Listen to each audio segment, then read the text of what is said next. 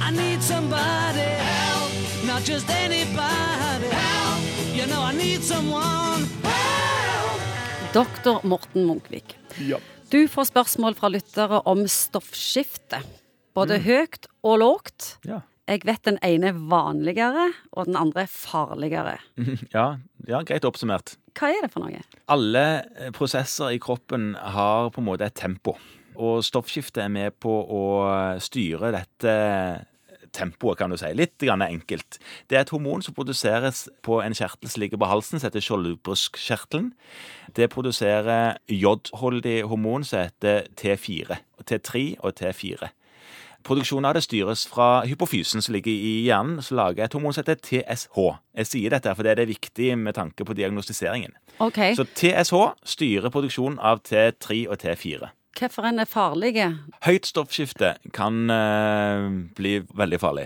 Fordi Fordi at alt på en måte går på uh, høygir, og du kan få problemer med temperaturregulering og den typen Er eh, det ting. akkurat som å kjøre bil på høyt turtall?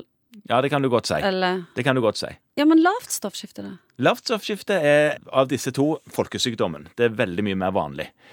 Særlig blant kvinner. Og lavt stoffskifte gir jo da en treigere prosess i kroppen, hvor at du kan kanskje Kjører du på for lavt ho- turtall? da? Akkurat der blir det heller å kjøre med bremsen på. Du er kanskje litt deprimert, du er trøtt. Kan være hukommelsestap, økt søvnbehov, smerter i ledd, hovneledd kan du ha.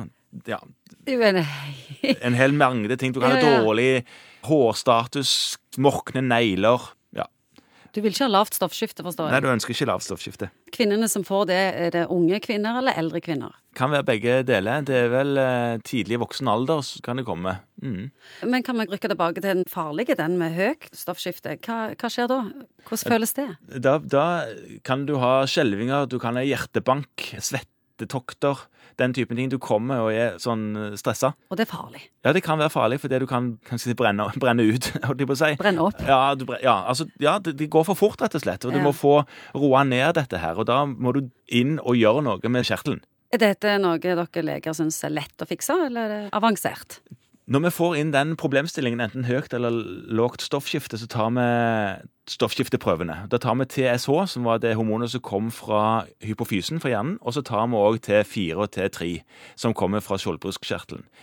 Og så er det verdien av de to prøvene som bestemmer og viser om du har høyt eller lågt stoffskifte. Da er det bare en pille? Fordi med lavt stoffskifte så behandles dette vanligvis med en pille, ja, som er tilførsel av hormonet. Og de må du gå på resten av livet. Ja. Det høye stoffskiftet, da, hvordan Ja. behandler dere det? Ja, da gjør man først undersøkelser, så finner man ut om det er det som kalles varme knuter i kjertelen, som er da områder i denne kjertelen som er ekstra ivrige på å lage hormon. Og så kan en gå ut og det som heter radioaktivt jod. Jod er det grunnstoffet som brukes i denne kjertelen til å lage hormonet. Og når man tilfører radioaktivt jod, så blir det på en måte som en stråling i den kjertelen isolert. Kun i den kjertelen. Ikke Hørtes farlig. heftig ut. Ja, det er heftig, men det, det stråler bare der. Så da dreper du litt av den kjertelen. Og de blir òg friske? Ja, de blir jo friske, men du må ofte gjøre en del undersøkelser, finne ut om det fortsatt er denne varme knuten, om det er en overproduksjon, og til slutt så er den brent ut. Og det som noen ganger skjer da, er at den brenner ut for mye, sånn at de havner ut i den andre leiren og har lavt stoffskifte.